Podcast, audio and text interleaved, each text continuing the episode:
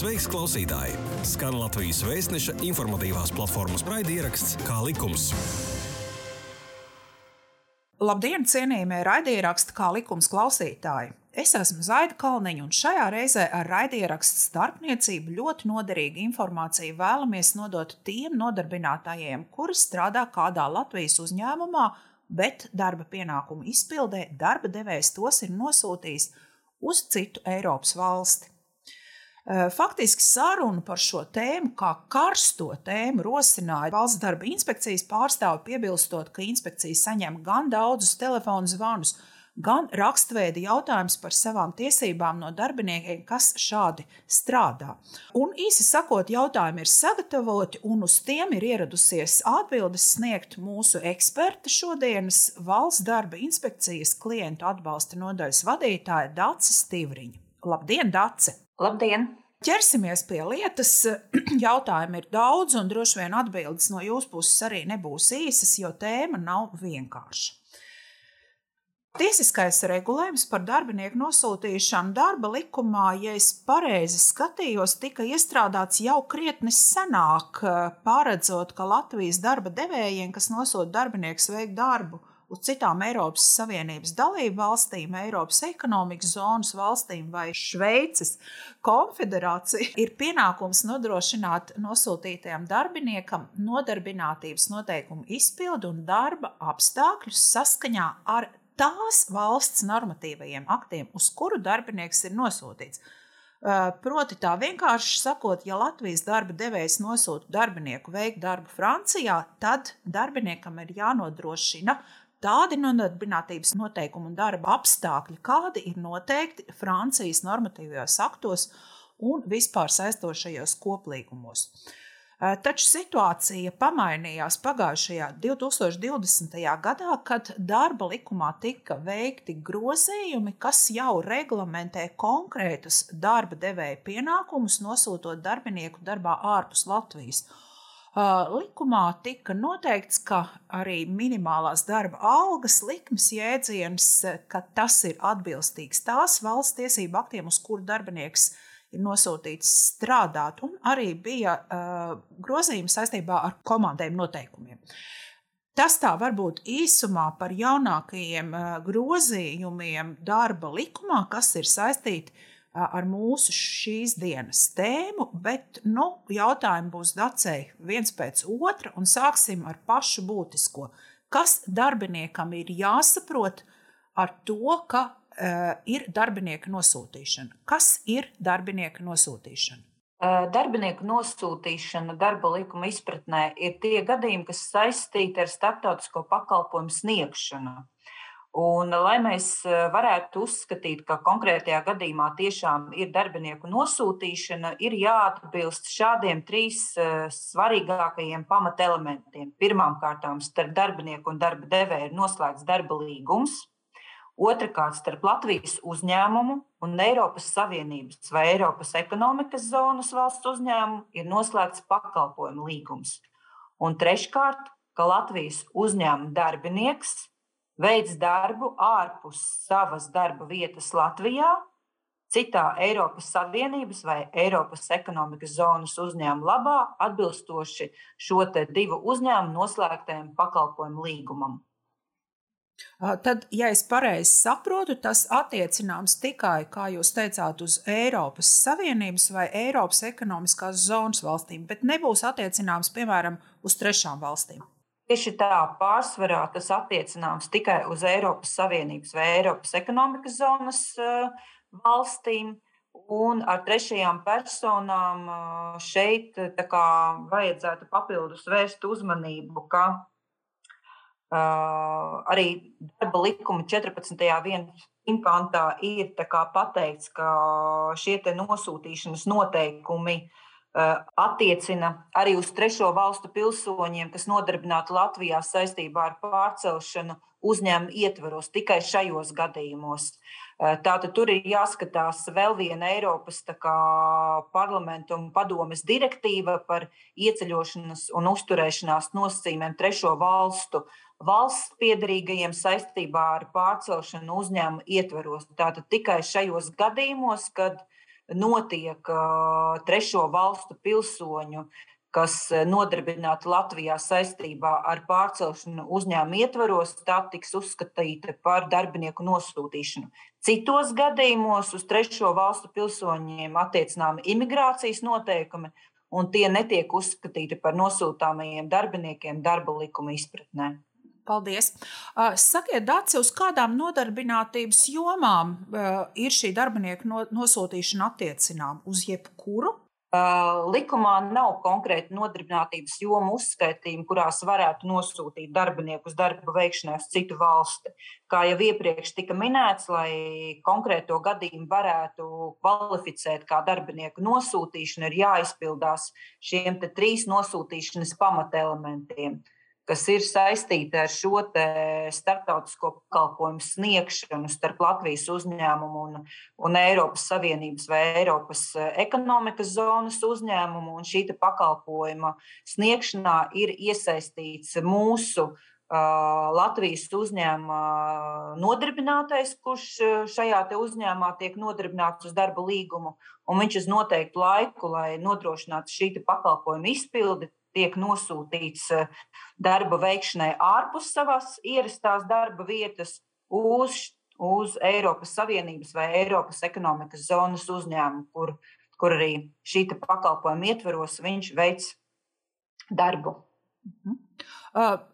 Skaidrs ir par šiem Eiropas Savienības valstu situācijām, bet Dace, kāds regulējums attieksies uz darbinieku nosūtīšanu uz trešajām valstīm. Tātad, nu, varbūt, ja tā varētu teikt, eh, tas ir bijušā padomju bloka valstis eh, vai, vai kaut kur uz austrumiem.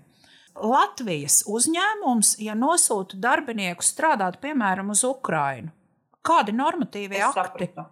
Uh, ja sanāk, mūsu uzņēmums nosūta, nu, šajā gadījumā nevarēs lietot jēdzienu kā nosūta varbūt tās komandai, norīko mūsu Latvijas darbinieku veikt darbu trešajās valstīs, pieņemsim uz Krieviju, tad šajā gadījumā tā nebūs darbinieku nosūtīšana, tā būs tā kā, tā kā darbinieka iespējamais komandējums vai darba brauciens atkarībā no darbinieka izpildāmo darba pienākumiem un, un viņa veicamā darba specifikas.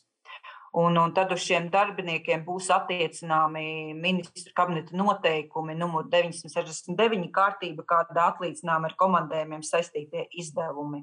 Mhm, paldies! Darba likuma 142. pāns paredz, ka, ja, piemēram, Latvijas darba devējs nosūta darbinieku veikt darbu Austrijā, ir no, jānodrošina šim darbiniekam tādi nodarbinātības noteikumi un darba apstākļi, kādi ir noteikti Austrijas normatīvajos aktos vai vispār saistošajos koplīgumos. Eh, kā darbinieks var pārliecināties, ka viņam tiek eh, piemēroti šie Austrijas noteikumi? Uh, šeit vajadzētu kā, norādīt, ka mm, katrai dalībvalstī bija jāizveido vienotnā tīmekļa vietne, kurā darba devēji un darbinieki no jebkuras valsts, eh, kuri plāno nosūtīt eh, savus nodarbinātos uz citu šo Eiropas Savienības valsti vai Eiropas ekonomikas zonas uzņēmumiem, lai varētu iepazīties ar tās valsts kā, prasībām, kādas būtu jāizpilda attiecībā uz tiem nodarbinātajiem, kuri tiks nosūtīti uz tām citām valstīm. Tas nozīmē, ka darba devējiem vai darbiniekam ir jānoskaidro konkrētās valsts vienotajā tīmekļa vietā.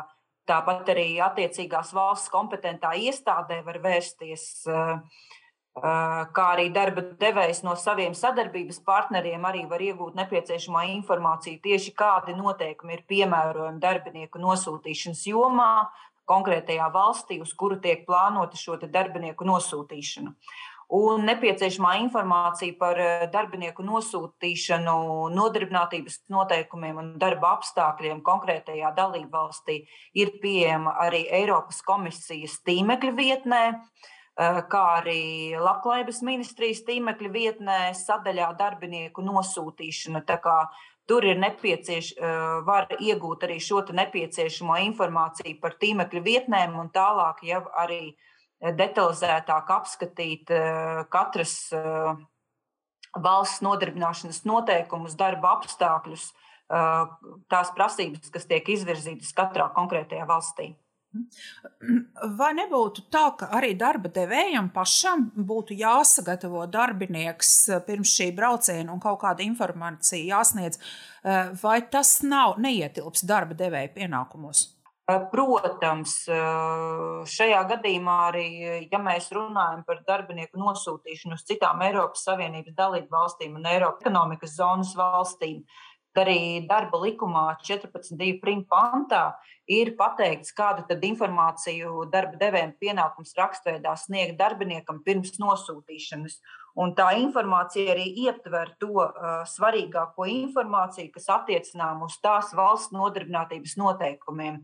Uh, pirmām kārtām sākot ar to, uh, uz kuru valsti šis darbinieks tiek nosūtīts, uh, cik ilgā laika periodā plānota šī darbinieka nosūtīšana, kāda ir šī paredzamā izmaksājumā darba samaksa, Tāpat arī informācija par naudas pabalstiem vai pabalstiem natūrā saistībā ar darba uzdevumiem, ja tādi tiek nodrošināti attiecīgajā valstī.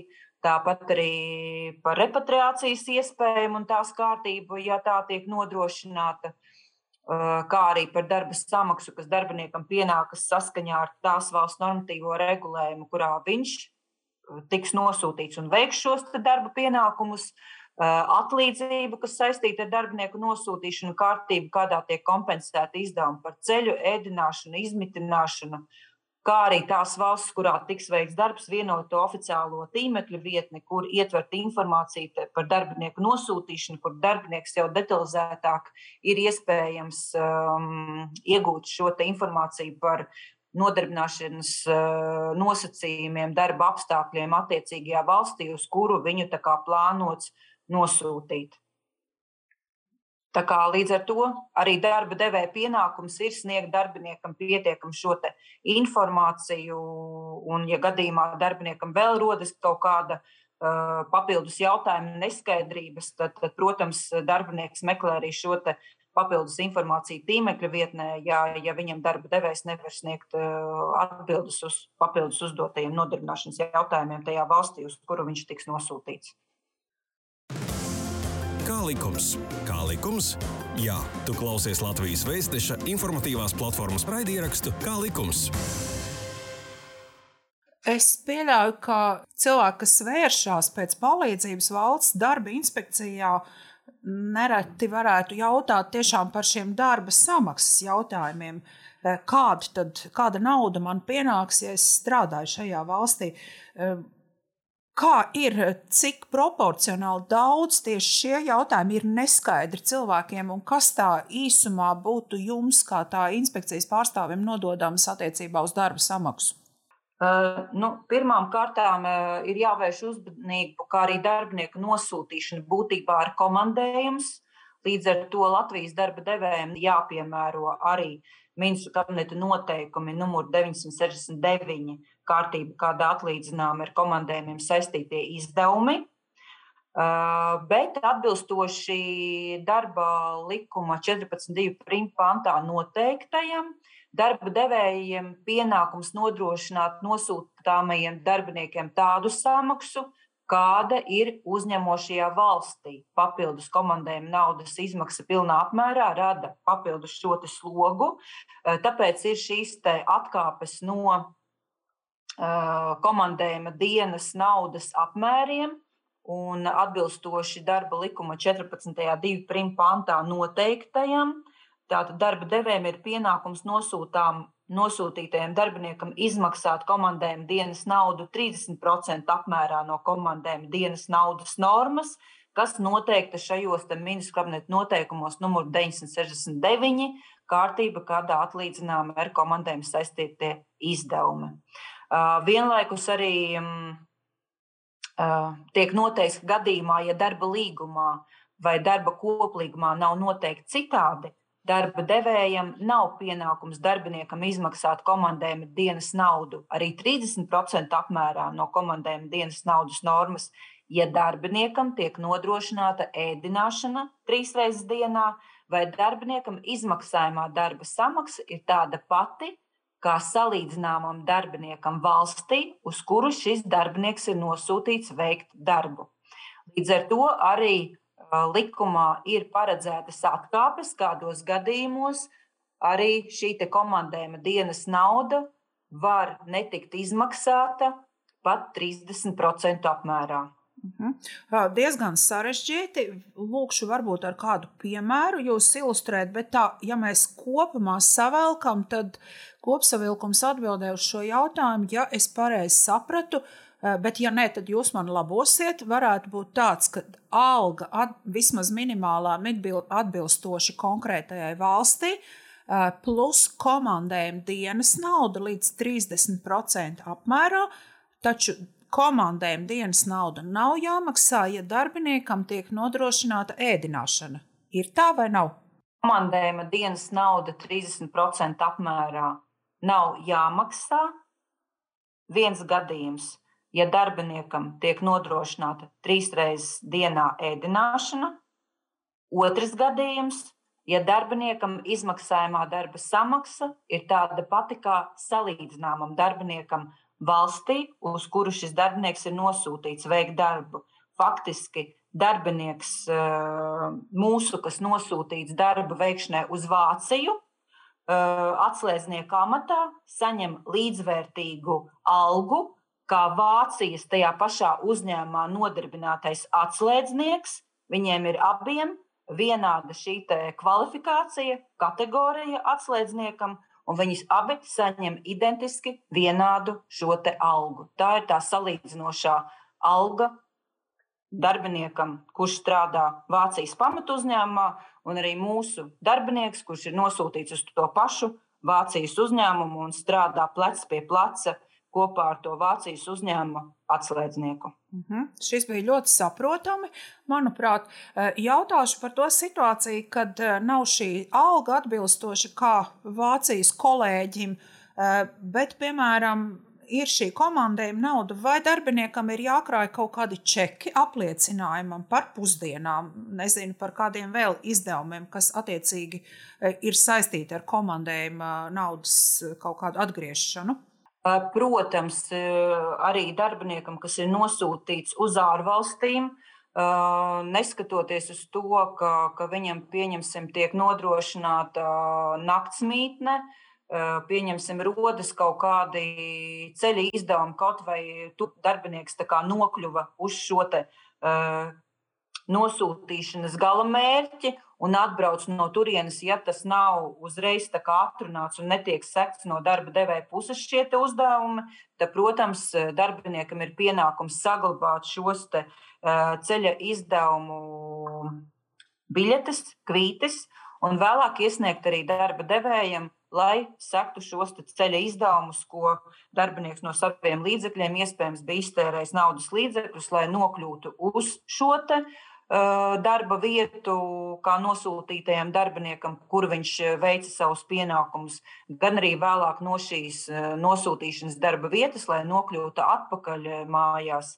Tāpat arī, ja darbinieks ir nosūtīts uz šo valsti un pieņemsim dzīves vieta, kur viņš atrodas, ir vienā vietā, un lai nokļūtu uz, uz uzņēmumu, kur viņam faktiski jāveic darba pienākumi, arī viņš izmanto iespējams sabiedrisko transportu, lai nokļūtu. Ja, tad arī šajā gadījumā darbiniekam ir tiesības kā, šos dokumentus apliecinošos kā, uzglabāt un iesniegt darba devējiem uz atmaksu. Mēs nerunājam par tiem gadījumiem, kad varbūt tās darba devējs arī nosūtīšanas vietā ir paredzējis, ka darbinieki no tās apmešanās vietas, kur viņi uzturās un, un dzīvo ārpus tā darba laika, li, um, nokļūst uz to vietu, kur viņiem ir jāveic darba pienākumi, ar piešķirtu autotransportu, mikroautobusu, kur visi tādi darbinieki noteiktā laika posmā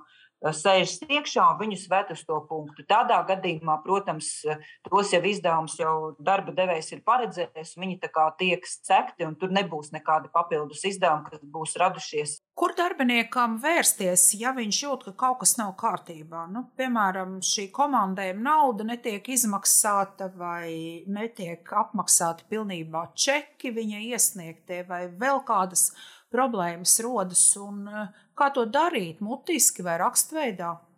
Pirmām kārtām vienmēr darbiniekam vajadzētu saprast, ka šī komunikācija pirmām kārtām neskaidrībām, domstarpībām vajadzētu risināties uzņēmuma iekšienē.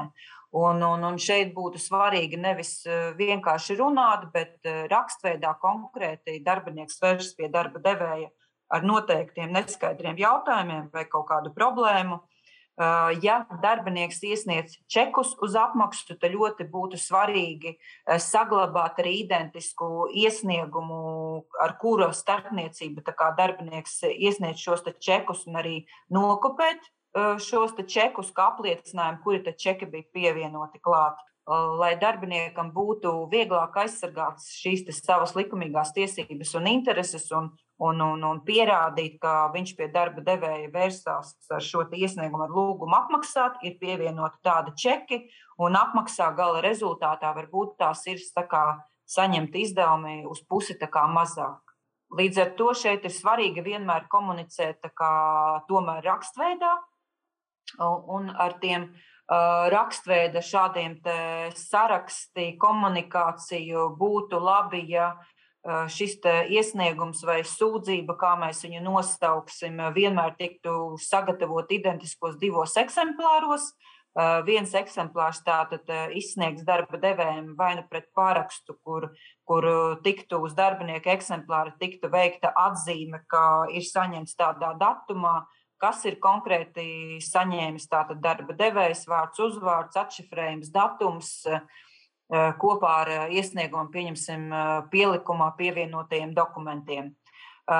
Ja šāda varbūt tās ar darba devēja komunikācija patiešām uzreiz nav iespējama, tad, protams, šāda iesnieguma sūdzība ir iespējams sūtīt pa pastu ierakstītā sūtījumā ar paziņojumu par saņemšanu uz uzņēmuma juridisko adresi. Tā kā tādā veidā. Protams, atsevišķos gadījumos ir arī darba līgumā arī paredzēta komunikācija oficiāli starp uh, uzņēmuma darba e-pastiem. Arī katram darbiniekam ir piešķirts šis darba e-pasts.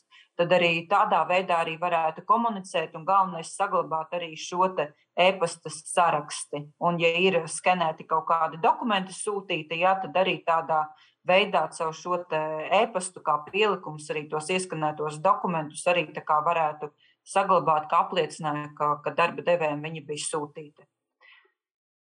Tā kā, tā kā pirmām kārtām vienmēr šo komunikāciju neskaidrības vajadzētu mēģināt risināt uzņēmuma iekšienē starp darbinieku un darba devēju.